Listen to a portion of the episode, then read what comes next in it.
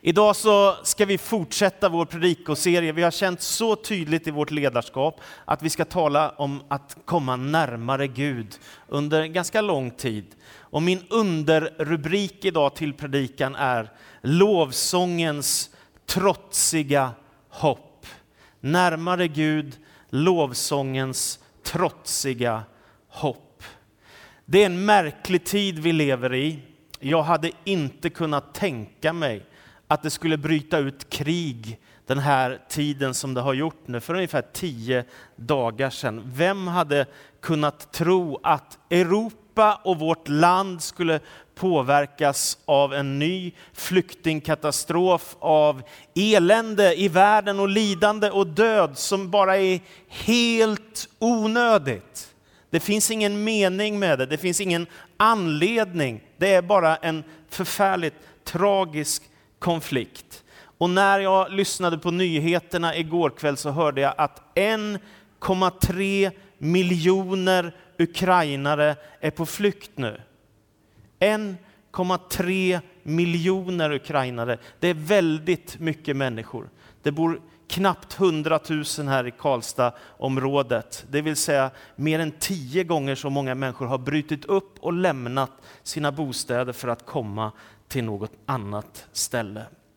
Det är förfärligt sorgligt, det är en humanitär kris och vi har pratat om att vi måste försöka göra någon insats som kyrka också. Så vi återkommer till det, om vi kan göra någon insamling eller om vi kan hjälpa till på något sätt. Vi ska prata vidare om det. En annan scen som rörde mig till tårar, jag vet inte om ni har sett på nyheterna. I varje fall har jag följt med varenda dag och ofta flera gånger om dagen bara för att se vad som händer. En annan scen som var så stark, det var en mamma som var i Ukraina som hade kontakt med sin dotter, säkert har flera av er sett det på nyheterna. Och dottern sitter och gråter därför att mamma kan inte komma till henne och hur ska vi lösa detta? Och hon är någonstans i Sverige och mamman är i Kiev som ju hotas utav stridigheter. Ja, men då är ju hon så kreativ att hon sätter sig på ett flyg och så flyger hon ner till Polen och så hyr hon en bil och så kör hon upp till gränsen. Och mamman lyckas efter lång tid att ta sig med tåg ifrån Kiev till en mil från gränsen. Och sen så kommer denna kvinna, jag vet inte hur gammal hon kan ha varit, 60-70 år någonstans. Hon får gå en mil helt själv ifrån tåget till gränsen och sen möter hon sin dotter på andra sidan och så åker de och så flyger de och så kommer de till Sverige och så sitter de med tårar i ögonen av tacksamhet och håller om varandra. Jag tycker det är så vackert. Och så tänker jag så här, vad är det som lovsången ger oss för någonting? Varför sjunger vi lovsång och vad ger lovsången? Och då tänker jag att det är precis det här. Det ger kraft in i vardagslivet. Det ger mig styrka till min inre människa. Det ger mig inspiration till att göra gott emot andra människor. Är du med? Så poängen är ju dels att vi får söka oss närmare Gud, men det är också att vi kan göra skillnad för vår omgivning, för människor som har det svårt, för flyktingar, för människor som lider. Det finns kraft i namnet Jesus och det är som det står i en sång, när alla andra namn förbleknat så står dock namnet Jesus kvar och dess purpurglans ska hela evigheten stråla lika underbar. Det är fantastiskt. Du vet världsledare, presidenter, kungar och herrar, de kommer och går. Men deras namn, det är några årtionden och sen så är det passerat och borta. Det är ett kapitel i historieböckerna. Det finns ett annat namn, namnet Jesus. Det ska stå i hela evigheten. Och nu vill jag ta med dig till en bibeltext ifrån Uppenbarelsebokens fjärde och femte kapitel. Det blir en slags parallelltänk till det som händer i vår värld nu. Att det är svårigheter, lidande och elände, inte alls så långt ifrån vårt land. Aposteln Johannes, han skildrar i Uppenbarelsebokens fjärde och femte kapitel något av de mest starka lovsångsscener som finns i hela Bibeln. Det som har hänt är att han har predikat evangeliet om Jesus Kristus i romarriket och under hans tid så finns kejsar Domitianus där. Och Domitianus han bestämmer sig för att Johannes är en av dem som ska fängslas och skickas tillsammans med politiska förbrytare till ön Patmos vid Turkiets kust. Och där ska han sitta, han kanske är i 80 års ålder nu, och vara ett stenbrott för att slita för romarriket. Och jag tänker mig så här att han måste ha drabbats av väldigt mörka tankar. Gode Gud, är det så här mitt liv ska sluta? Finns det något hopp? Finns det någon framtid? Det vill säga Johannes lider för Jesu Kristi skull, för evangeliets skull. Men det är mitt i detta mörker, när det är som allra mörkast för Johannes och han är gammal. Då kommer Jesus Kristus till honom i en vision med all sin gudomliga härlighet och makt och strålar över Johannes. Så när det ser som mest mörkt ut, då visar Gud sin makt och Kristus uppenbarar sig för aposteln Johannes. Vid den här tiden innan vi läser bibeltexten så har en kejsarkult brutit fram i romarriket. Och kejsare som Augustus som vi läser om när Jesus föds och Domitianus och Nero, de börjar kräva tillbedjan. Så dessa kejsare, vanliga människor, börjar kalla sig själva för gudasöner. De vill tituleras som Gud, som Herre och som frälsare. Och de avskiljer till och med dagar, månader och stunder som är speciellt för dem. Augusti, kejsar Augustus, är ni med? Juli, Julius Caesar. Alltså kejsare avskiljer tider när de ska bli tillbedda som gudar fast de bara är människor. Och dessutom har de en enorm makt därför att de regerar över 50-60 miljoner människor i romarriket och överallt har de soldater och trupper så att de kan trycka tillbaka folket om de gör uppror. Och det är naturligtvis helt otänkbart för en kristen att hänge sig åt avguderi, att tillbe en kejsare, det finns inte på kartan. Därför blir detta en jättestor konflikt. Och det är nu som Johannes får se sin syn. Och jag läser de tre första verserna i Uppenbarelseboken 4 och sen läser jag från Uppenbarelseboken kapitel 5, vers 1-14. Då står det så här. Sedan såg jag och se, en dörr stod öppen till himlen och den första rösten som jag hade hört tala till mig som en basun sa, kom hit upp så ska jag visa dig vad som ska ske här efter. Och strax kom jag i hänryckning och se en tron stod i himlen och någon satt på tronen. Och han som satt där syntes mig lik jaspis och karneol och kring tronen var en regnbåge som av smaragd. Och så hoppar vi till Uppenbarelseboken 5 och vers 1. Och jag såg i högra handen på honom som satt på tronen en bokrulle med skrift på både framsidan och baksidan och förseglad med sju sigill. Och jag såg en väldig ängel som ropade ut med hög röst. Vem är värdig att öppna boken och bryta sigillen? Men ingen i himlen eller på jorden eller under jorden kunde öppna boken och se den. Och jag grät häftigt över att det inte fanns någon som var värdig att öppna boken och se den. Men en av de äldste i himlen sa till mig, gråt inte, se han har segrat, lejonet av Judas stam, skottet från Davids rop, rot. Han kan öppna boken med dess sju sigill. Och jag såg att mitt för tronen de fyra varelserna och mitt för de äldste stod ett lamm, och det såg ut att ha blivit slaktat och det hade sju horn och sju ögon, som är Guds sju andar som sänds ut över hela jorden. Det gick fram och tog boken ur högra handen på honom som satt på tronen. Och när det tog boken föll de fyra varelserna, de 24 äldste, ner inför lammet, var och en med en harpa och en guldskål fylld av rökelse, som är de heligas böner. Och de sjöng en ny sång. Du är värdig att ta boken och bryta dess sigill, till du har blivit slaktad och med ditt blod har du friköpt åt Gud människor av alla stammar och språk och länder och folk. Och du har gjort dem till ett kungadöme åt vår Gud, till präster åt honom, och de ska vara kungar på jorden. Och jag såg och jag hörde rösten av många änglar som stod runt tronen. Och varelsen av de äldste och deras antal var myriaders myriader, tusen och åter tusen. Och de sa med hög röst, Lammet som blev slaktat är värdigt att ta emot makten och få rikedom och vishet och styrka och ära och härlighet och lovsång.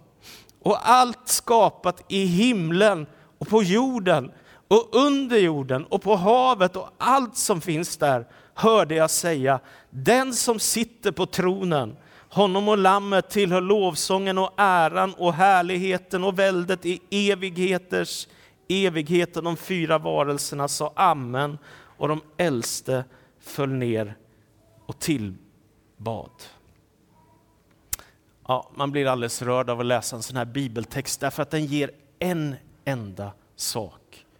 Hopp. Du vet, det finns härskare och makter och ondska i vår tid. Men det finns en som sitter på en tron och det är det som gör den stora skillnaden. Den människa som börjar ana att vi är inte här av en slump, att ditt liv inte bara beror på någon slags kosmisk urkraft som är obegriplig, som bara uppstått av sig själv. Utan att det finns en Gud som har skapat hela universum, som gör att vi existerar. Och det är därför det finns mening med ditt liv. Och när du börjar ana att universum är så gigantiskt stort. Jag såg en bild häromdagen nu. En, ett kort som var taget för några år sedan ifrån en eh, satellit som var 898 miljoner miles ifrån jorden och jorden var en liten prick. Va? Den var ganska nära Jupiter om jag inte minns fel. Va? Det är ett gigantiskt universum vi lever i. Och bakom detta gigantiska universum finns en väldigt stor Gud som en gång i begynnelsen skapade himmel och jord. Och när en människa börjar sin resa mot Gud så kan man börja ana att Gud är väldigt mäktig och stor. Han är majestätisk i sin härlighet. Han är helig, han är god, han är vis och fylld av kunskap. Men ännu större är att börja ana att Gud älskar oss, att han vill någonting med varenda en av oss. Att han är nådefull och barmhärtig, att han vill frälsa oss och dra oss in i gemenskap med sig själv. Och att han har lovat att vara trofast och aldrig någonsin överge sitt folk. Och när en människa börjar drabbas utav Gud så blir hon full utav förundran. Det finns en högre makt, en större verklighet och det ger mening åt hela universum. Det är stort att få drabbas av detta. Och jag menar så här att ingen kan på djupet lära känna Gud i sin väldiga skaparmakt och i sin frälsargärning och i sin godhet mot oss utan att det föds lovsång i hjärtat. Är du med? Hur skulle jag inte kunna tacka dig för allt du har gjort mig, för livet som du har gett mig, för min familj som du har gett mig, för gåvorna du har, för allt det vackra jag ser i din skapelse, för det du har gjort genom Jesus Kristus. Hur skulle jag inte tacka dig? Sången som föds i hjärtat är så fruktansvärt stark. Och jag vet att Frank Mangs, som var 1900-talets mest inflytelserika evangelist och förkunnare, som var medlem här i Tingvalla kyrkan i Karlstad, han talade om sången i själen. Det vill säga när du får tag på Gud på allvar så föds en sång på insidan som inte går att tysta. Det var detta som drabbade mig i slutet på mina tonår när jag fick en kallelse till pastortjänst. Det var så förfärligt otippat. Jag spelade ju hårdrock och tänkte ta över pappas företag, men Gud kommer i min väg. Och så är det som den där kallelsen blir oemotståndlig och jag börjar ana något av evangeliets höjd och bredd och djup och längd. Och så känner jag att det här är det vackraste som finns i hela världen. Det var chockerande starkt och jag funderar på efteråt varför i hela världen läser en 19-åring igenom hela Bibeln från början till slut. Hur går det till? Va? Ja, men det är drabb man blir drabbad av Gud. Och så känner man, jag måste få lära känna Gud. Och så blir man fångad av en vision och det var det som hände mig. När jag hade läst igenom hela Bibeln så kände jag att det var många saker jag inte förstod och massa grejer jag inte hade kunskap om. Men jag var fångad av en vision och jag var drabbad av en eld. Någonting som är starkare än allting annat. Och den vackraste lovsången som fanns på den tiden, på 80-talet, som jag lyssnade på och som jag sjöng gång på gång i kyrkan. Det var en gospelsångare som hette Andrew Crouch. Han hade skrivit den sången, Min Gud tillhör äran. Min Gud tillhör äran. Med sitt blod har han köpt mig och med sin kraft har han lyft mig. Och min Gud tillhör äran för allt vad han har gjort. Det där drabbade mig och jag lever i det fortfarande över 30 år senare. En av mina kloka vänner, som var en av mina mentorer som är hemma hos Jesus, han hette Hans Johansson. Han skriver så här i Tidebönboken. Den människa som har gjort Bibelns förståelse av verkligheten till sin kan möta tillvarons ondska utan att förtvivla. Lidandet och ondskan, vare sig den handlar om personliga tragedier eller nationella katastrofer, förfärar, ja. Men den förlamar oss inte och orsaken är en vetskap. Guds makt har triumferat över det onda och ska en dag helt besegra ondskan. Nu ska jag gå tillbaka till bibeltexten. Det var som de sa om en predikant en gång, han var evangelist, vet ni. han började sin predikan och han utgick från texten men han kom aldrig någonsin tillbaka. Det är väl härligt. Nu ska jag gå tillbaka till bibeltexten. Det är starkt att läsa om den himmelska visionen som aposteln, Paulus, eller aposteln Johannes får i sin fångenskap på Patmos. Scenen skiftar dramatiskt. Johannes är på jorden, men Gud öppnar en dörr in till himlen för honom, så han får se vad som händer i den himmelska världen. Och skiftet blir oerhört dramatiskt. Från den kämpande kyrkan på jorden som förföljs av kejsare som vill ha gudsdyrkan till sig själva. Till den himmelska världen där Johannes ser nu vem som verkligen har makten. Det är ett skifte som är så starkt. Och så börjar de här profetiska framtidsvisionerna som Gud har förberett för sitt folk. Och så står det att en dörr är öppen till himlen. Vilken fantastisk hälsning. Va? En dörr är öppen till himlen. Och jag säger tack Gud att du är så barmhärtig när Johannes i sin mörkaste tid får se denna vision som Uppenbarelseboken är. Nu är han i Guds närhet. Och jag älskar hur Johannes beskriver läget i himlen. En tron stod i himlen och någon satt på den. Det är väl helt fantastiskt, bara någon. Vilken någon? Hallå, det kan väl inte vara vem som helst som sitter på tronen i himlen. Men det är egentligen allt vi behöver veta. I sin vision så ser han en tron och på denna tron så finns ett kraftfullt budskap. Nämligen, när man är i himlen och ser tronen så är tronen inte tom. Är du med?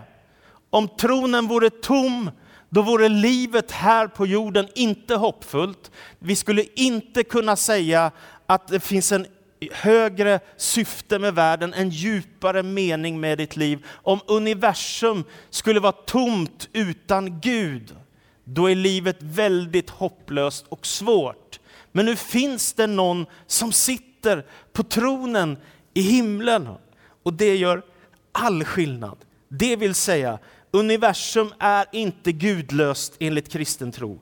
Inte utan hopp, utan det finns ett hopp tack vare den som sitter på tronen i evigheters evighet. 47 gånger kommer Johannes tillbaka till tronen i himlen. Han som är i lidande och elände och stenbrott. 47 gånger är han tillbaka vid tronen. Jag såg någon som liknade jaspis och karneol, det vill säga han, hans språk räcker inte till. Han måste använda bilder ifrån ädelstenar för att försöka beskriva det som Gud är.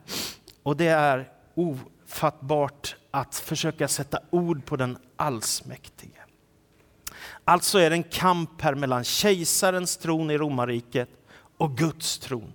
En dramatisk kamp i en tid av förföljelse. Och sen använder han, han säger också Johannes, att det var som en regnbåge av smaragd. Och du vet, då tänker jag på Noa. Efter detta lidande som de gick igenom så satte Gud regnbågen på himlen som ett förbundstecken att något liknande inte ska ske igen. Ett förbund med Gud och det är det som Johannes ser. Det finns härskare, makter, presidenter och kungar, men den yttersta makten finns inte där. Så skildrar nu Johannes i det femte kapitlet i Uppenbarelseboken en helt annan syn. Nu ser han att den som sitter på tronen har en bokrulle i sin hand. Och jag kan ju inte veta exakt hur den såg ut, men jag har, när jag varit i Jerusalem har jag köpt såna här fina Torarullar som de har där, jättevackra. Så man kan ta bort det här och så kan man rulla upp dem och läsa på hebreiska om man nu kan det. Jag vet inte hur bokrullen såg ut, naturligtvis. Men den är, den är förseglad med sju sigill, alltså den är försluten. Det går inte att öppna boken. Och det är ju en slags skildring av vad som ska ske i framtiden. Och så var det vid den här tiden. Någon som, som skrev ett testamente liksom klistrade igen det med sigill och när man var död så öppnade man det, bröt sigillen, läste vad som ska hända och det som skulle hända i testamentet förverkligades. På samma sätt är det nu att Gud har historien i sin hand, men den är förseglad med sigill. Och hur ska den då kunna öppnas? Och då så står det i, i vers 2 i kapitel 5. Vem är värdig att öppna boken och bryta sigillen? Och det fanns ingen i himlen eller på jorden som var värdig att öppna boken. Och det som då händer är att Johannes börjar gråta häftigt. Här finns framtiden skildrad, ingen är värdig att öppna. Då i Johannes gråt och i hans sorg så står det så här. En av de äldste i himlen sa, gråt inte, se han har segrat, lejonet av Judas stam, skottet från Davids rot. Han kan öppna boken med dess sigill. Här kommer trösten. Det finns ett namn som är värdigt att öppna historiens bok och framtiden. Och det är namnet Jesus. Jesus skildras här som lejonet av judastam. Oerhört kraftfull, uppstånden ifrån de döda, segrat över dödens makt. Och sen så vänder Johannes blicken mot tronen igen. Och då ser han att det är som ett lamm som har blivit slaktat framför tronen. Märklig bild. Och helt plötsligt är det som att lejonet av Juda nu är lammet som har blivit slaktat, det vill säga Jesus Kristus som dör för oss på ett kors. Och det är ett väldigt starkt budskap. När man läser Uppenbarelseboken så finns det drakar och odjur och ondska och Satan själv. Men den som segrar är ett lamm. Är du med? Det är ett starkt budskap. Det kan se så väldigt mäktigt ut, allt som kommer emot oss av ondska i världen. Men det finns ett lamm som har segrat en gång för alla. Och om någon morrar tillräckligt högt va, så är han också lejonet av Juda som har segrat och som en dag ska komma tillbaka och därmed ska hela världen dömas och alla människor skall bekänna att Jesus Kristus är Herre. Gud Fadern till ära och alla ska böja sina knän och säga Jesus är Herre. Detta är urkristendom. Detta är kyrkans budskap. Vi är inte någon liten religiös grupp av människor som håller på med andlighet, utan vi har ett kosmiskt, globalt perspektiv på hela världens framtid. Därför att det finns en som sitter på tronen. Och när detta är tydligt, att lammet ska segra över ondskan, då bryter lovsången loss i himlen. Jag tycker det är så starkt. Det står att änglarna är myriaders myriader som tillber Gud. Vad är det för tal tänker du? Det har jag inte hört förut. Det var då biljoner eller miljarder eller vad är detta? Myriaders myriader är det högsta tal som kan användas i grekiskan vid den här tiden. Och det betyder 10 000 gånger 10 000, alltså 100 miljoner änglar är det som Johannes ser framför sig. Är ni med? När han ser in i himlen så är det en oräknelig skara av änglar som säger så här. Den som sitter på tronen. Nej, förlåt. Du är värdig att ta boken och bryta dess sigill, ty du har blivit slaktad och med ditt blod har du friköpt åt Gud människor av alla stammar och språk och länder och folk. Och sen så bryter det loss. Lammet som blev slaktat är värdigt att ta emot makten och få rikedom och vishet och styrka och ära och härlighet och lovsång.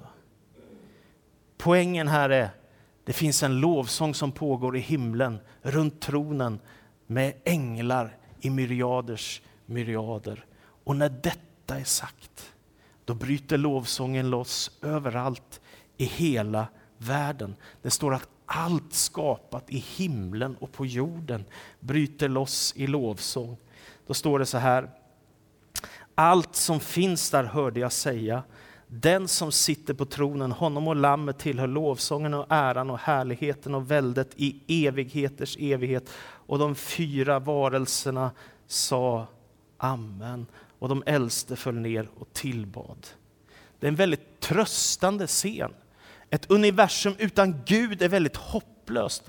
Ett universum som, där vi inser att vårt ursprung är Gud, är fyllt av mening. Det finns makt att segra över ondskan och en dag ska hela världen dömas inför Gud och vi ska stå till svars inför vårt liv. Det är den kristna kyrkans budskap.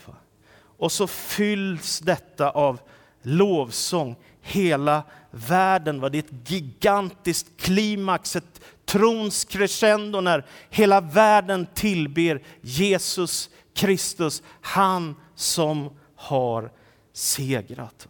Denna väldiga lovsång går både till Fadern och till Sonen i himlen i evigheters evighet. Det räcker inte att säga evig, man måste säga evigheternas evighet. Va? Det ska pågå för alltid.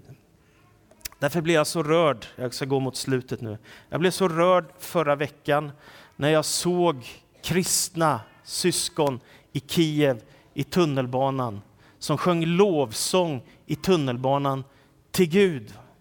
Och då kan man tänka, är det här något löjeväckande, några kristna som de är så rädda så de måste vända sig till Gud? För mig är det precis tvärtom. Va?